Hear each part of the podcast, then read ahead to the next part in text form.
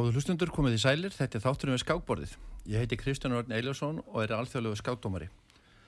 Gestur minn í þættinum í dag er Þorstein Þorstesson, reistjóri Hagstofu Íslands og fyrirvændi markastöru Rúf. Þorstein er öflugur skákmaður en hann er fítimestari sem þýðir að einhver tíman á skákfællunum hefur styrklíki hans farið yfir 2300 alþjóðri skákstík. Velkomin í þáttin Þorstein. Já, takk fyrir að bjóða mér þáttin. Uh, segða mér, uh, kannski ekki skákteint en hvað gerir reistjóri Hagstofu Íslands? Sko, ég er nýkomið með þennan titil, ég var sannsagt byrja á hafstofunum 2018 og þá uh, er ég í deildastjórastöðu, var það deildastjóri uh, samskipta á meðlunar og starfið hefur svo sem ekki breyst mikið, ég er ennþá að stýra sjálfur sér öllum útgáðamálum hagstofunar. Hagstofan gefur út uh, 400 íslenska fréttir og annað eins af ennskum fréttum á ári og ég svona reittstýri því efni sem fer þá frá hagstofunni. Þetta er, þetta er ekki skemmtileg starf? Mjög skemmtilegt og, og það er alltaf nýjar áskonar að hverjum degi og þess vegna, þess vegna, við við ekki mjög vendum þetta starf. Og hagstofan sem slíka er mjög áhafa stofnun af mjög mörgu liti sko. Þú erum mentaður að hagfræðingu með hérna, Master of Science í bæði, bæði þjóðafræði og, og rekstra hagfræði. Já. Kemur, kemur það sér að nótum? Það kemur vel að nótum vegna þess að þegar maður er að lesa yfir svona fréttir þá, þá er maður eiginlega alltaf að hreyfa sig á því, því efnisviði. Já. Þannig að það, það kemur mjög vel að nótum og hefur gert það. Það er mikið, mikið af tölfræðingum og hagfræðingum, verkfræðingum sem starfa á hagstofunni og þetta, þetta úr og grúir af, af sérfræðingu þarna sem að, sem að kunna sitt fag. Þver fótað fyrir sérfræðingu? Já, einmitt, vel mentaðir og, og, og það þarf til vegna þess að það, þetta eru þetta eru þannig viðfársefni að það þarf að vanda sig við það að samna tölunum saman og svo að vinna úr þeim og, og tala ekki um að tólka þær. Já. Jæja, þá vendum við okkur yfir skákina. Það voru að skákinn. Já, uppháða svo öllu saman. Hvernig byrjaði þú að tefla? Er ekki bara að byrja þar? Jú, ég byrjaði að tefla 10-11 óra og það var Freyri Gólason sem kendi mér að tefla. Freyri Gólason yngri, það er best að taka það fram. Hann heitir þá samanefn á stólmestarinn okkar og uh, ég fer að, ég, ég bjóði í Samirinni, ég fer, fer að fara upp í taffélag uh, sem er þá í göngufæri við Samirina 1971 þá kem ég þangaði fyrsta skipti. Og þar er fyrir mjög blómlega starfsemi. Taffilaði hafi keift þetta húsnaði 1967 og það er þá Holmstein Stengrinsson sem er formaður og hann var svona einn helsti kvartamarinn af því að taffilaði eignaðist húsnaði og ég held að þessi, þetta skref hafi verið mikið framfara skref fyrir íslenska skákrengu að taffilaði eignaðist húsnaði Það eru reynda bara tvö taffélag í landinu sem eiga húsnaðu. Það er taffélag Reykjavíkur og taffélag Vestmanniða. Svo ég komi því nú að það. Ég er nú meðlumir í taffélag Vestmanniða. Og þá er þetta að koma því líka að þetta eru tvö eldstu félöginu mantalega. Það er svona hér um byrju. Nú er taffélag Vestmanniða verður hvað 100 ára núna árið hvað í 2026? 2026, já. Það passar. Já. Nú það var, sko, það var mikið á ungum og þessum strákum í tafélaginu þegar ég kem að það fyrst, svo voru hans eldri ég, þarna vil ég nefna svona menn eins og Jón Baldursson, brittspilara, Jón Þorvarason, Sigur Sverrisson og Þóri Sigurstjórnsson. Þetta voru strákar sem allir fóru yfir í brittsin. Það var svona smá flótti úr tafélaginu akkurat á þessum árum. Það voru þessar strákar sem voru bara þrælgóður að tefla en fóru yfir í brittsin. Þetta endaði svo með því að Jón Baldursson verður heimsmeistar í britts 1991 ef mann þetta og þar munum við eftir Bermúdaskálinni Já, já. Nú uh, Jón er, er nýláttinn og blessur sem minning hans en hann er líklegast besti brittspílarinn sem við Íslingar höfum hátt fyrir og síðar. Þetta var svona kjarnin í, í taflæðinu þegar ég er að byrja þarna. Hæfileikar ríki strákar Já svo kemur sko envið þarna 1972 og þá verður algjör sprenging. Ég man eftir, eftir haustmótinu 1972 eftir envið um hausti þá. Árið held að vera hátt í 300 keppendur. Og þetta var algjör sprenga og það var rosalega gaman að vera skákmaður á þessum árum vegna þess að það var allstar telt. Það var telt í blokkinni sem ég bjó í það voru sko feður á, á sko fa, að, það var sem sagt maður á neðri að henni sem bjóð mér að tefla bara þegar ég vissi að ég var farin að fara í taffilagið og það voru haldir blokkamót og, og, og það voru haldir, það voru haldir mót á milli blokka og það var telt, það var telt í öllum íbúðum og öllum stöðum, vinnustöðum á landinu á þessum árum sko. það var algjör sprengi og rosalega gaman að vera skákmaður sem sagt. Og þurfti semst ekki að fara út úr húsinu til þess að finna anstæðing? Nei, og þetta voru sko ég er sem sagt er elst þarna upp í samanbyrjun og þarna voru sko sem nú heitir sem er nálagt þarna sem nú heitir miðbar við áhaldsbött Jóhann Hjartarsson bjóð þarna í, í tveimur blokkum frá. Nú við vorum báður í Altamira skóla og, og okkar skóli vann svo til eiginlega öll mót sem að voru haldinn þarna. Nú í blokkinu sem ég bjóði þar voru svona sérstakir sérstakar týpur eins og Jón Kalman Stefánsson hann er alveg upp þarna Vilmundur Gilvarsson bjóð hann í sömu blokk og hann var tíu gestur í taffileginu þannig að það voru mjög margir sem að, sem að, sem að voru, voru að láta sjá sig í taffileginu þessum árum mm -hmm. Vastu hvað hva með mentaskóla árið heldur eitthvað í menta, mentaskóla? Já, við förum sagt, leiðin láð þarna eftir alltaf skólan og grunnskólan þá, þá fer maður í Hamralíðina og, og þar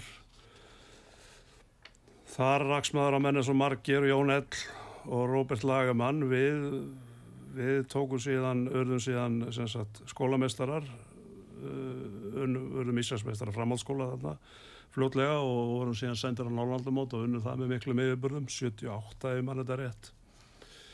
Og en, en sem sagt sko lífið í taffilana þessum árum var alveg einstakt og þarna eru sko í raun og veru rosalega margir ungir og efnilegi skákmenn að, að, að koma upp og ég get nefnt bara nokkur nöfn sko listin er doldið langur sko því mér að Helgi Ólásson er að koma þarna hann kemur upp á land eftir gósi 1973 og, og fyrir að vöðni að koma sína í taffilagi það verðum að tala um Jón Ell, Marki Pétursson Jóhann Hjartarsson, þetta er fjórmenningaklíkan Galli Þorsteins, Sæfa Bjarnason, Björgun Jónsson, Kristján Guðmusson, Berit Jónasson, Júlis Friðjónsson, Áskir Áspjörsson, Jónas Pétur Elliðsson, Óma Jónsson, Elva Guðmusson, Róbert Lagamenn og ég og fleiri. Og þetta voru allt strákar sem hefði getið orðið stórmestara sko. Það var ofsaleg gróska þarna. Mm -hmm. og það er ekki nema fjóri sem verða stórmestarar upp úr þessum hópi og það segir okkur það sko ekki nema já, það er miða við þennan fjölda sko þá hefur mátti vera fleiri en það segir okkur líka sko í sambandi við sko úlingastarfseminna og annað það er ofsalega afföll. Og það þarf að halda rosalega vel utanum þess að stráka sko ekki bara sko í gegnum úlinsárin heldur bara fram eftir aldri. Og þetta skiptir miklu máli sko. En, en, en þetta er sem sagt þetta er í raun og veru sterkast í skák árgangur eða skákkynslu sem að sem, sem að þjóðun hefur aðlið og, og það hefur líka náttúrulega að gera með hinsmettarefið 72 það, það, það, það íttir náttúrulega undir þetta allt saman.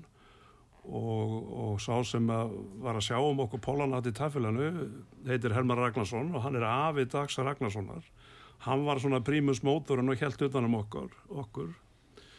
Sá sem kemur á eftir honum er eins og það er Ólafur H. Ólásson og, og, og, og hann kemur hann inn svona 1975-6 og ég held að hans þáttur svona í íslensk skáksveið sé mjög vannmetið því að hann var mjög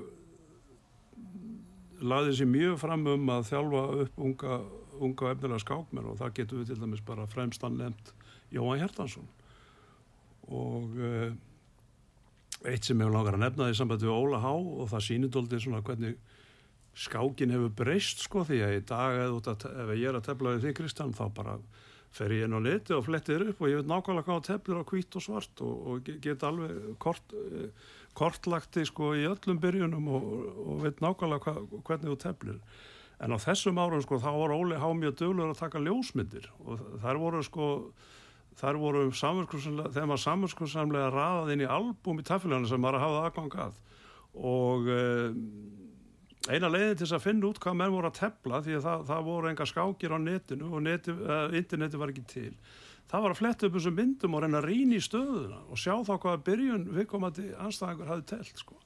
og þannig að sjáu kannski doldi hvað, hvað hérna, þessi tímar hafa breyst sko. mm. í dag þekkja allir vita allir um, allir um það hvaða byrjunum er að tefla sko Já, Óli hann, það er rétt jáður hann það er náttúrulega ekki uh, krakkanir í dag, þetta þekki ekki Jóla.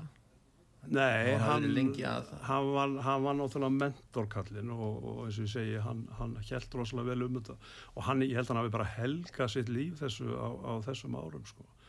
Hann bara, uh, þarna voru alls konar verkefni sem við þurftum að leysa, gull, silfur og brons og uh, læra endatöfl og, og þetta var sko, síðan kemur Kristján Guðmundsson aðeins inn í þetta og þetta voru þetta voru, þetta, þetta voru skemmtilegi tímar í tafélaginu það verður bara að segjast eins og er sko, og, og maður, hugurinn leitar oft þarna svona eftir því sem árin verða fleiri sko. Já.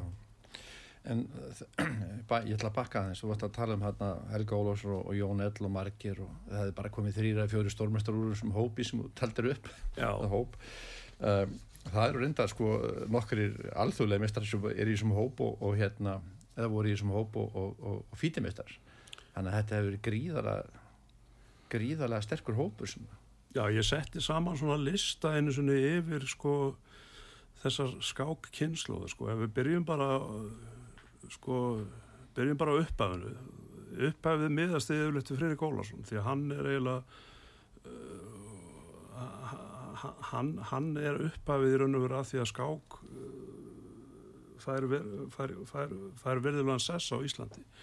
Og hann er sem sagt fættur á bilinu 19, hann er fættur 1935 og þeir sem að koma upp úr þessum árgangi sem er þá 1930, fættir 1930-39 eru Fririk og Ingier Fririk storm, er stórmestari og Ingier var alþjóðlöfumestari Nú ef við tökum næstu tíu ára á eftir 1940-49 þá var það Guðmundur Sigurjónsson stórmestari og Haugur Ángandinsson, hann er alþjóðlöfumestari eða var alþjóðlöfumestari, hann er látin Tímanbylunu 50-59 þá vorum við að tala um Helga Ólarsson stórmestara og Saga Bjarnarsson alþjóðlegan, hann er nýlátin, blessu sem minninga hans.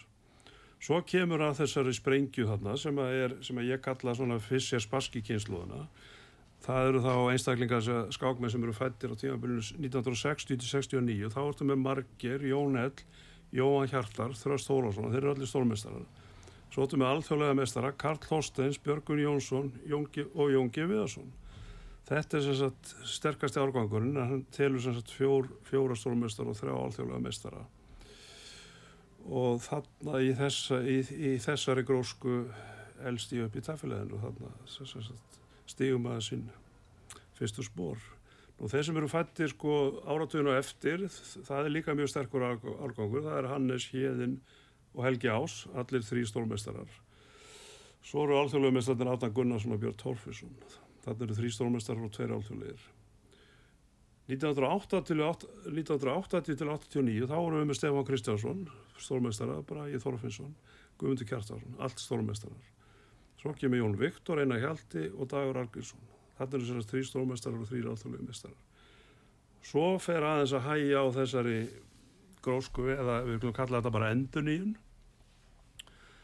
Því að næstur kemur Hjörvar Steinn og hann er stórmestari sem sagt og hann er fættur hann er fættur 91 eða 92 svo erum við komnir í nútíman og næra okkur aðeins og þá erum við að tala um Vigni Vatnar hann er nýjórið stórmestari og svo erum við með Hilmi Frey sem er alþjóðlega mistari ég finnst að það er eitt stórmestar og einn alþjóðlegur. Þannig, þannig að þegar maður fer yfir þess að sögu þá sér maður að það endurinn er það hægir á henni.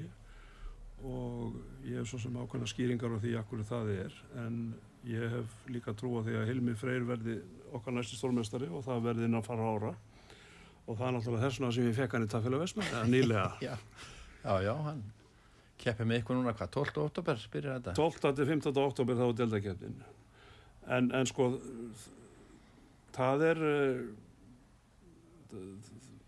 það getur verið sko gott að velta þessu fyrir sig akkur er akkur hefur hægt svona á þessari þróun og akkur er, akkur, akkur er endun hínun ekki meiri og, og ég held að það sé vegna þess að að það vanti sko loku mót, sterk mót fyrir þess að stráka hér á landi og það er í raun og veru þannig sem að fjórmenningaklíkan verður til, þeir fá að spreita sig í sterkum mótum, lokuðum mótum og þannig, sko, þannig verða þeir stórmestarar og það vandar svona möguleika fyrir þess að ungu stráka til þess að spreita sig á verulega sterkum mótum því að opnum mótun eru þannig að, að sko þegar það þarf að ganga virkilega vel til þess að þú lendir á mjög sterkum skákmannum og það, það eru upp og ofan hvernig það er. Þannig að eh, mér finnst vanta þetta inn í Íslensk skáklíf og, og í raun og veru ef maður horfir aftur aftur fyrir tíman þá er síðasta sterka skákmót á Íslandi haldið 1988 og það er allt og langt síðan, það var einsbyggamót og uh, og þegar ég er að tala um sterkmót þá er ég að tala um mót þar sem að, þar sem að hérna, sterkustu skákmenn heims taka þátt. Og þannig var Ísland þannig var þetta hér á Íslandi alveg framöndir 1990 og það, það, þessi hefð hefur einhvern veginn horfið. Ég man eftir Reykjavíkamótanum út á loftlu þegar, þegar Reykjavíkamóti var lokamót það voru upp í 7-800 áhundur stemningi var alveg rosalega skemmtileg og mm. þarna var mikið líf og, og ég held að við þurfum að ég hafa það alvarlega að, að taka upp þessi mót og ekki síst fyrir ungustrákana þeir, þeir þurfa á þess að halda og það er í sjálfu sér viklega umhaldar að halda þessi mót hérna heima þá að það sé dýrt og allt það þá, þá trúið því að það sé hægt að fá stöðning fyrirtækjandi þess. En þetta væri algjörlega ómeðalegt fyrir þess að ungustráka og ég held að við myndum fá miklu meiri meiri enduníun í, í, í, í fá fleiri, fleiri sterka unga efnilega stjákminn upp og, og þannig er það verið stólmistrar Það er ekki nóg að þeir ferðist erlendis kannski hefur vilt að fá lokuðu mótuninga heima við séu svona blöndu mót íslendingar og útlendingar. Já, það er bara þannig að þeim er ekkert búið að lokuðu mót erlendis þess vegna þurfum við að búa til þessi mót sjálf Sjálfur, og þannig verður fjórmenningaklíkan til. Þeir fá að spreita sig á lokuður Reykjavíkskókmót og, og þa þannig fáum við í raun og veru okkar sterkasta skákaárgang Því við erum að tala um þetta það er verið komið til umræða að, sko að því að Reykjavíkskókmótið er opið það er Reykjavík Open, það er opið mót að hafa fleiri flokka jafnvel sko þrjá að það sé einhverju lokaða flokkar hann í þessu líka einhverju elita hugsalega og, og svo einhverju aðri flokkar Hvernig hugnast það þér? Já, það er, er einlausnin að vera með lokaðan flokk, tólmannaflokk og, og, og bjóða þá, við segjum bara svona strákum eins og Vigni Vatnari og Hilmi Frey og ég minna við erum með strák í dag sem að er að banka upp á, uh, við erum að tala um hérna Brímbræðuna og Dólmatsjúk og Dólmatsjúk, ég má ekki glemja honum, svo ertum með hérna, svo ertum með Birkisinni Bárð og Björn. Bárð og Björn og, og þetta eru strákar sko, sem, a, sem, a, sem að hafa mikla mögulega á því að verða mun betri skákmenn eða þeir fá rétt tækifæri og það er þetta sem ég er að segja við þurfum að búa til umhverfi fyrir þessa stráka.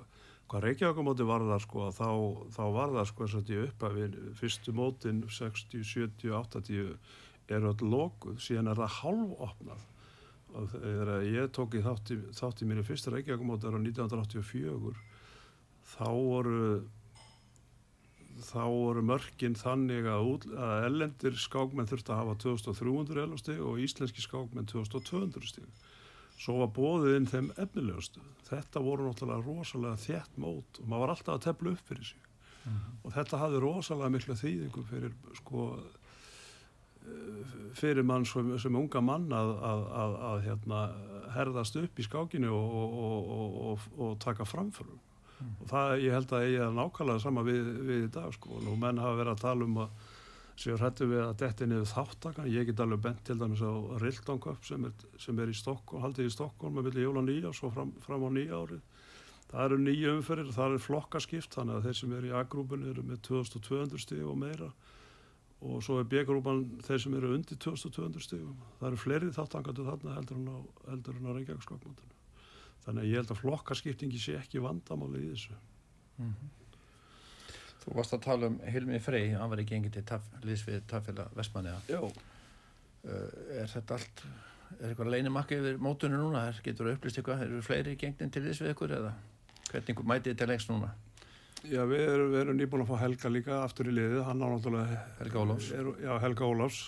Hann er náttúrulega úr Vestmanniðum og, og, og hérna og uh, eins og þegar ég, þegar ég ringdi hann og búið hann að koma í tafélagið aftur og þá sagði við hann we want our back, boys back home.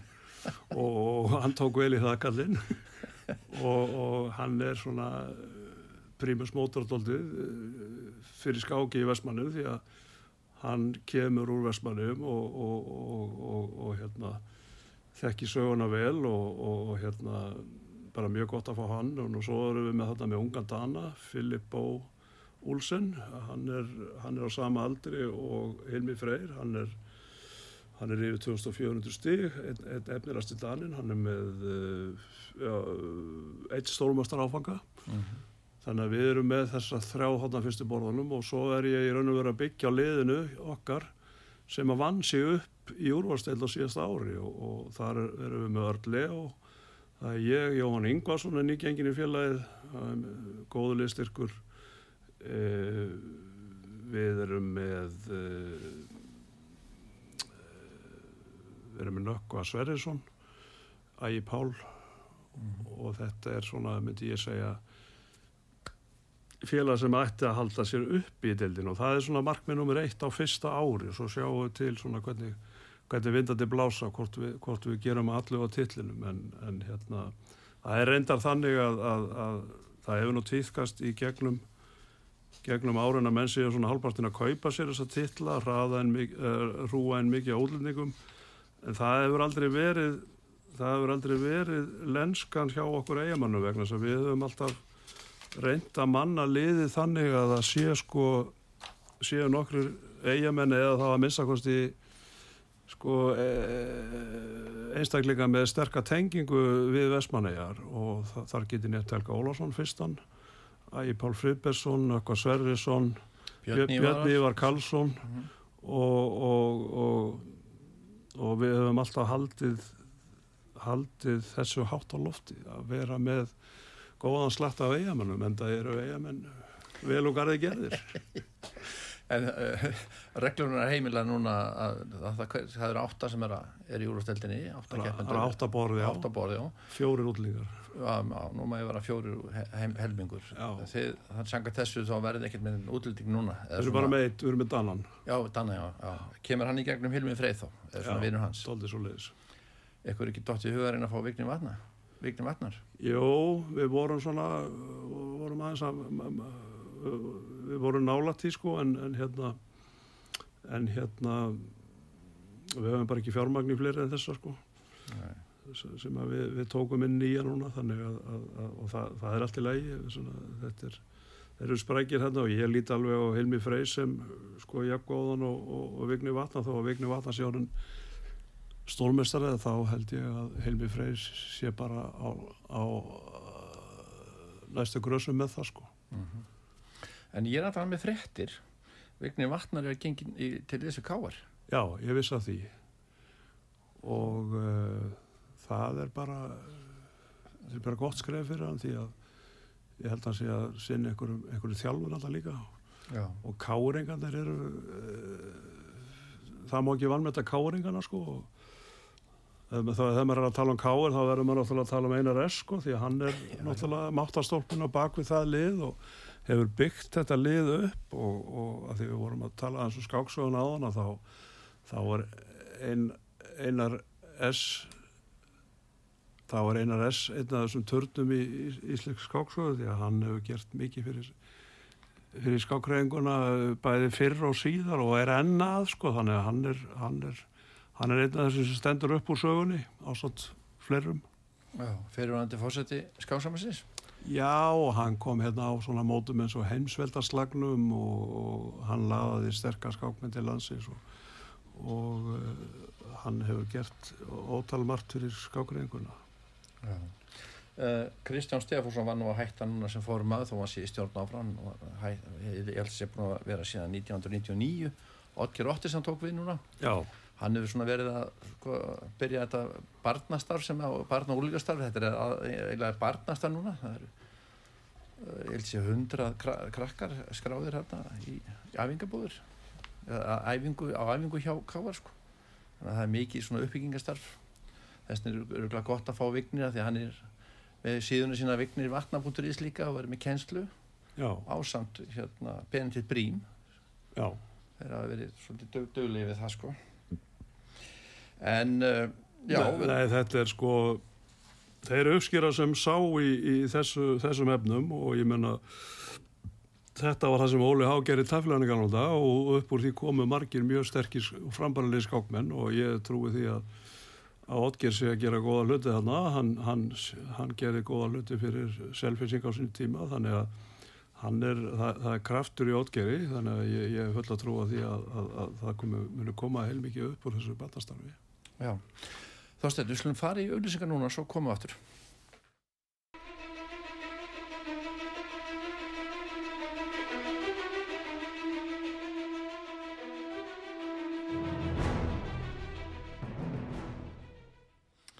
Já, þá erum við komin aftur. Þetta er þátturinn við skáborði. Ég heiti Kristján Örn og hjá mér er Þorstein Þorstinsson, reistöru Hagstof Íslands og fyrirvændi markastöru Rúf.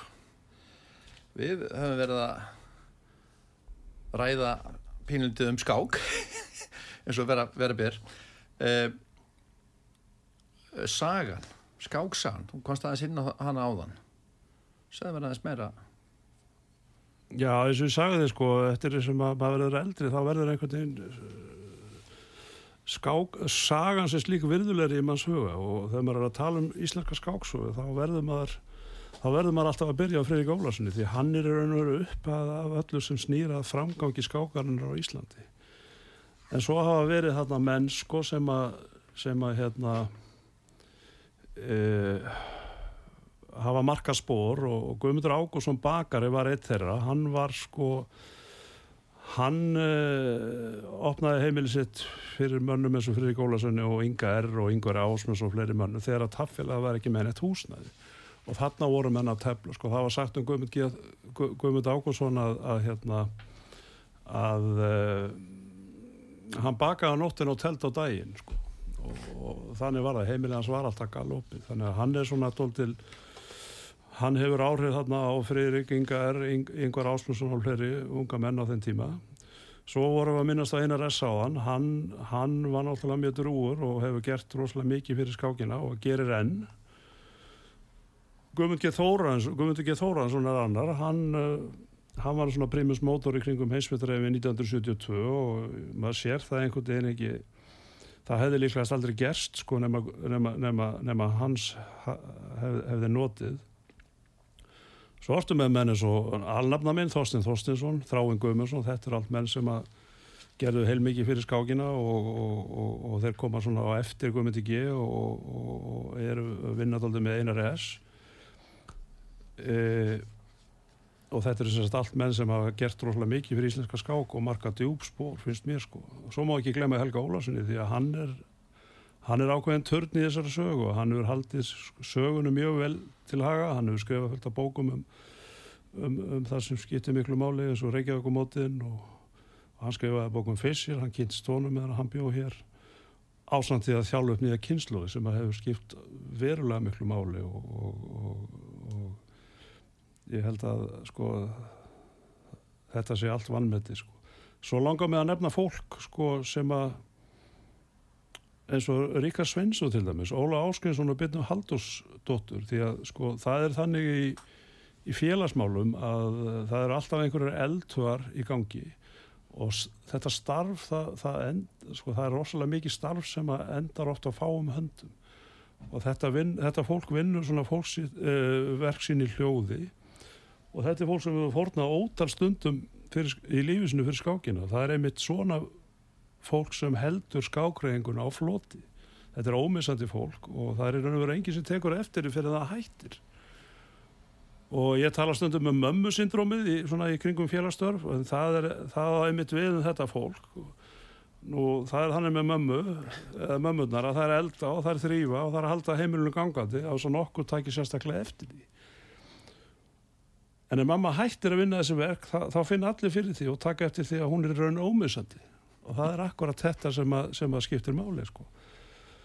því að hún er að gera fullt af hlutum sem að er bara ekki tekið eftir.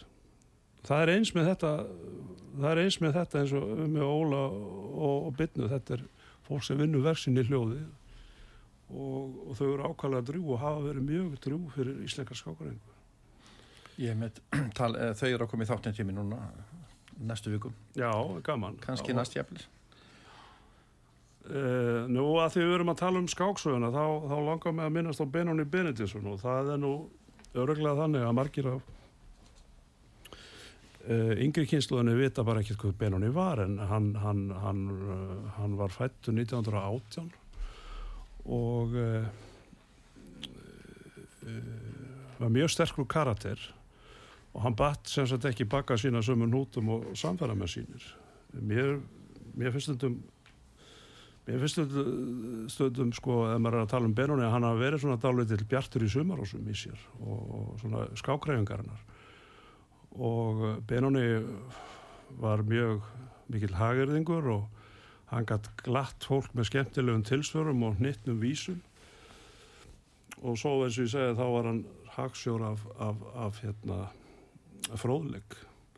En hann var mjög sterkur skákmaður og mjög frumlegu sem slíkur. Og það var eiginlega það sem að manni fannst þetta merkilegt sko því að hann bjóð til sín eigin byrjunarkerfi. Hann, hann ég heimsóti Benóni ofta sínum tíma og, og, og okkur var ágæðlega til vinna og hann var alltaf að sína með fullt af nýjum hugmyndum í byrjunu og hann var mjög stoltur af þessu kallin og uh, hann var svona náengi sko, honum var í raun og veru sko í nöf við skákfræðin það mátti ekki minnast á teóriu við hann sko. þá, þá einhvern veginn bara mótmælt hann og fór að sína mann eitthvað allt annar og það sem það sem var líka merkilegt var að kannski stundu verið í nöf við Friðrik Ólarsson sem, sem, sem mér fannst alltaf doldið undarlega sko því að Friðrik hefur alltaf verið og er hversmanns huljúi og, og ég held að sko en eins og ég sagði þann sko þá held ég að Benóni hafi sko sóstóldi eftir því að ganga gegn ströymnum og þetta með fyrir eitthvað kannski eitt hlut af því sko.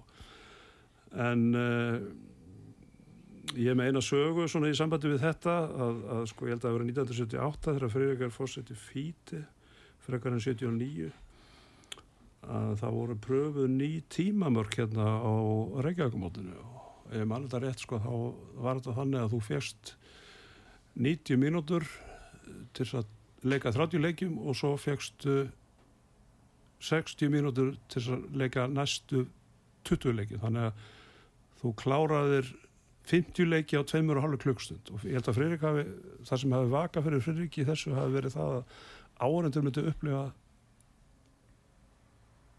tvö tímarak tvenn skona tímarak. Mm. fyrra tímarak og setna fyrir tímarak og ég spurði Benóni að þessu einhvern veginn þegar ég hitt hann á förnum vegi Hva, hvað finnst þér um þessi nýju tímamörkans Friðriks? Og uh, Benóni var doldið svona kókmæltur sko. Þannig að hann svaraði þannig ég veit það nú ekki.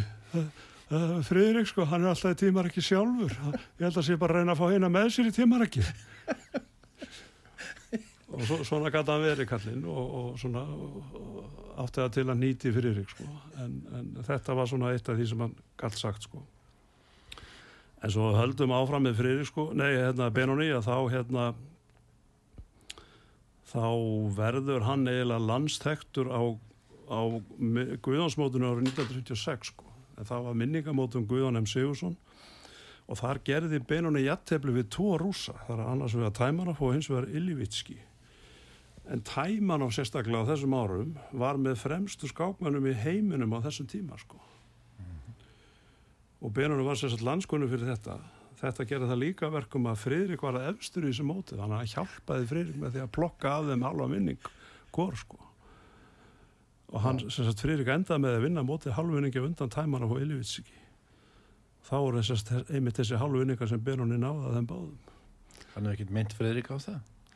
Nei, svo endur tekur hann þetta á Reykjavík-skákmótunum 1964 þá gerði hann jættibli við Júkoslanleika stórmestarna Matulovic og sá var, tók jættiflinu mjög illa sko, því að, því að, því að Benunni snýri illa á hann sko.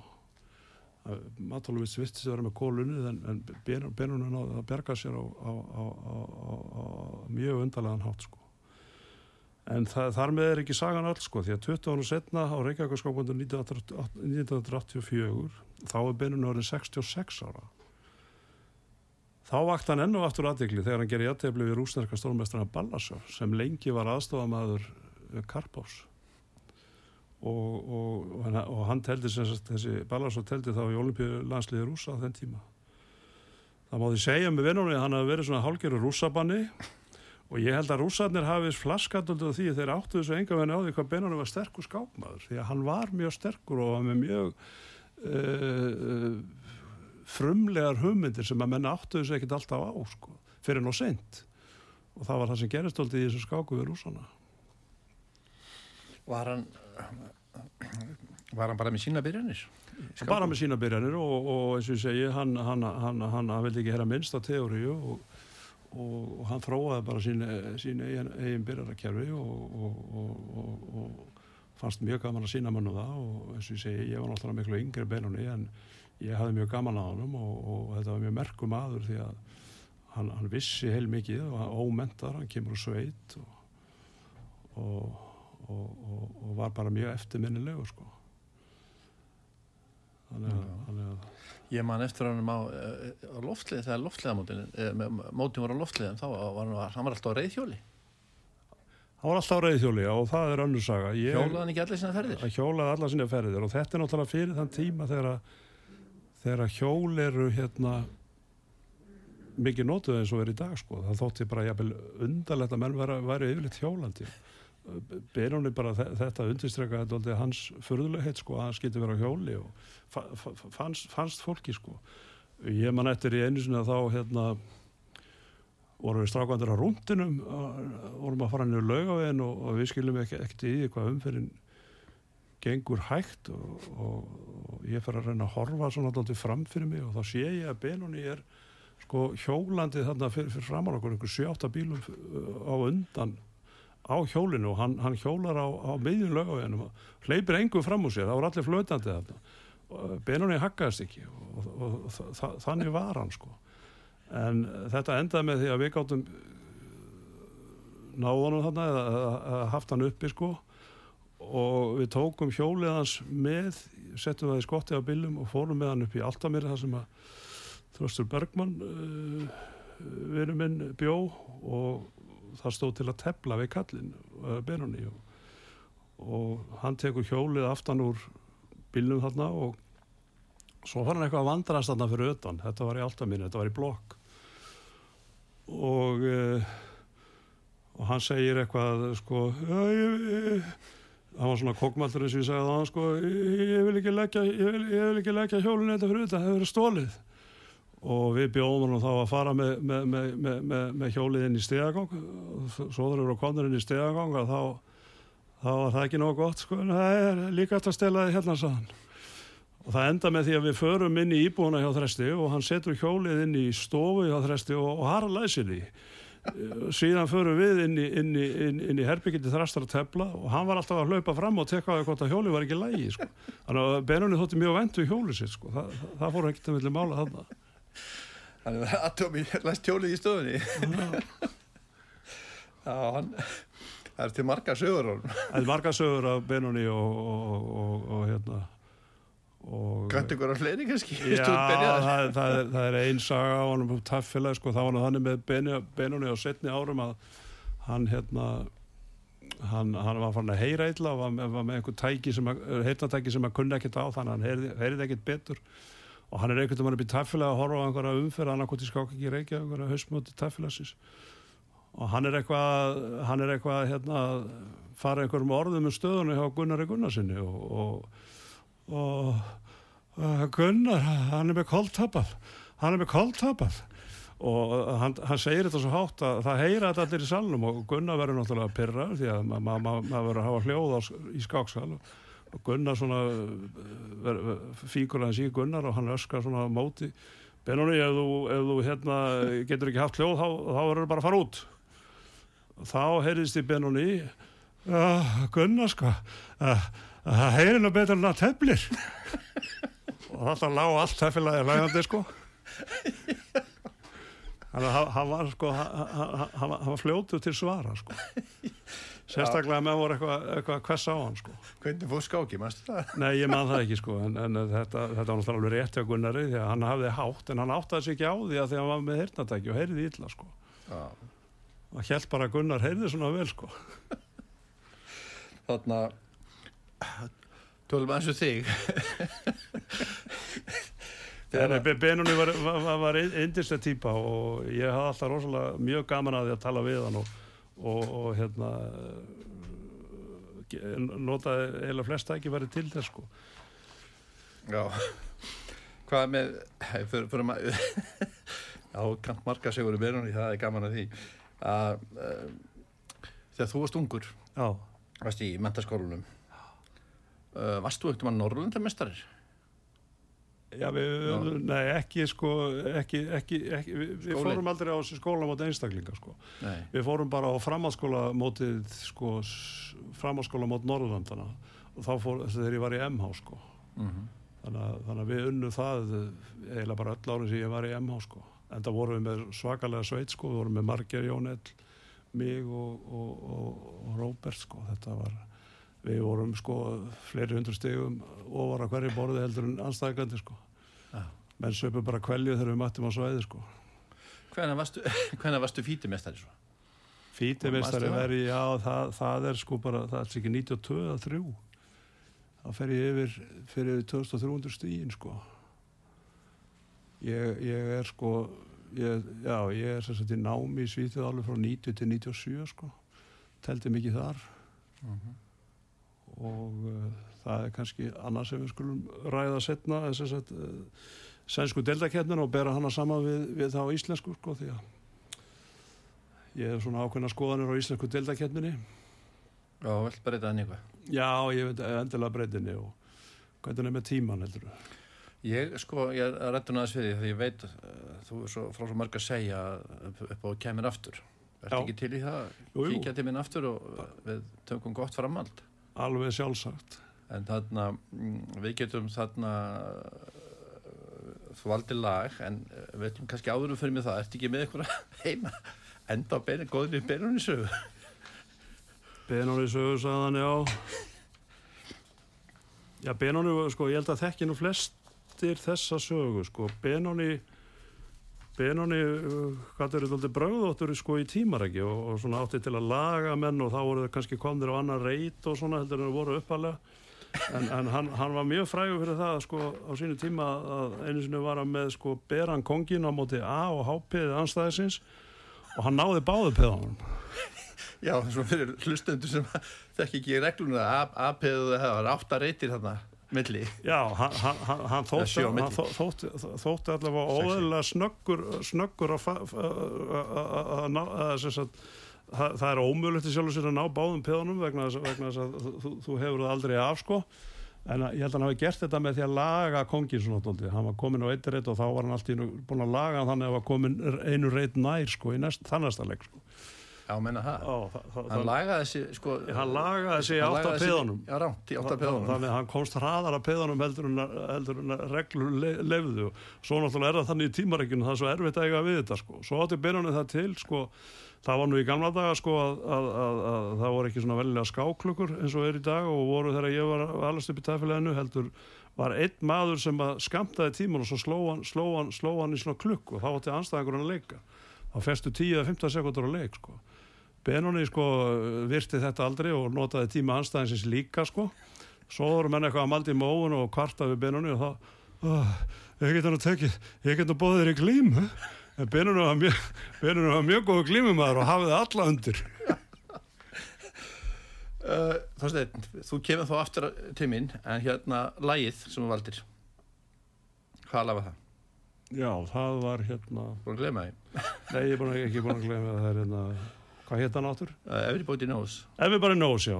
Þetta er svona Leonard Cohen. Leonard Cohen, þetta er pólitískur texti og og hérna e, svona smá ádel í þessu bara um pólitíkin eins og hann er og mér langar bara langar bara skákreifingin og, og, og jafnvel þingmenn bara taki, taki þetta lag til sín því að það, það eru ími skullkort alltaf sem að sem, sem að þetta fólk getur tekið til sín sem er svona við stjórnvólinn og, og hérna bæði skákræðingunni og, og, og á þinginu en, en Kói var náttúrulega sko ég, me, merkilegu listamæður því að hann var sko mikið, það var svona söngva skáld sko og uh, gætu verið að dúkla sér við texta í 2-3 ár þannig að textanir eru sko bæði djúpir og meitlaðir og, og, og oftar en ekki þá er sko mjög merkilegu bóðskapur í þeim og það finnst mér aldrei vera með þetta lag. Mm -hmm. Þorstein Þorsteinsson, fítimestari riðstjóri Hægstofi Íslands og fyrirvændi markastöri Rúf ég þakka þið fyrir kominu þáttinn og resand og skemmtileg spjall eins og alltaf. Takk fyrir. Ég þakka bara að reynisni fyrir tæknimál og stjórnum útsendingar og hlustundum öllum fyrir hlusturina ég heiti Kristján Örn Eiljarsson, verið því sæl og góða stundir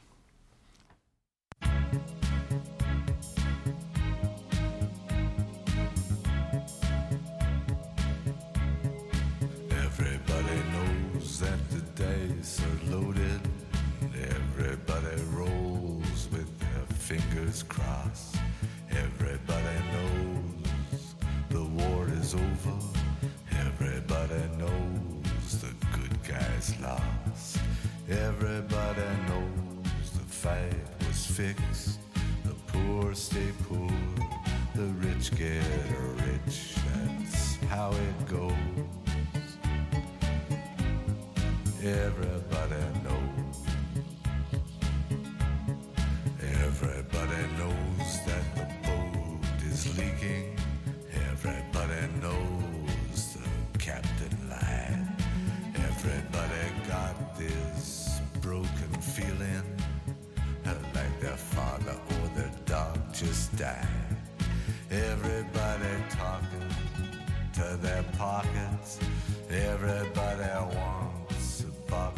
shop, the techno.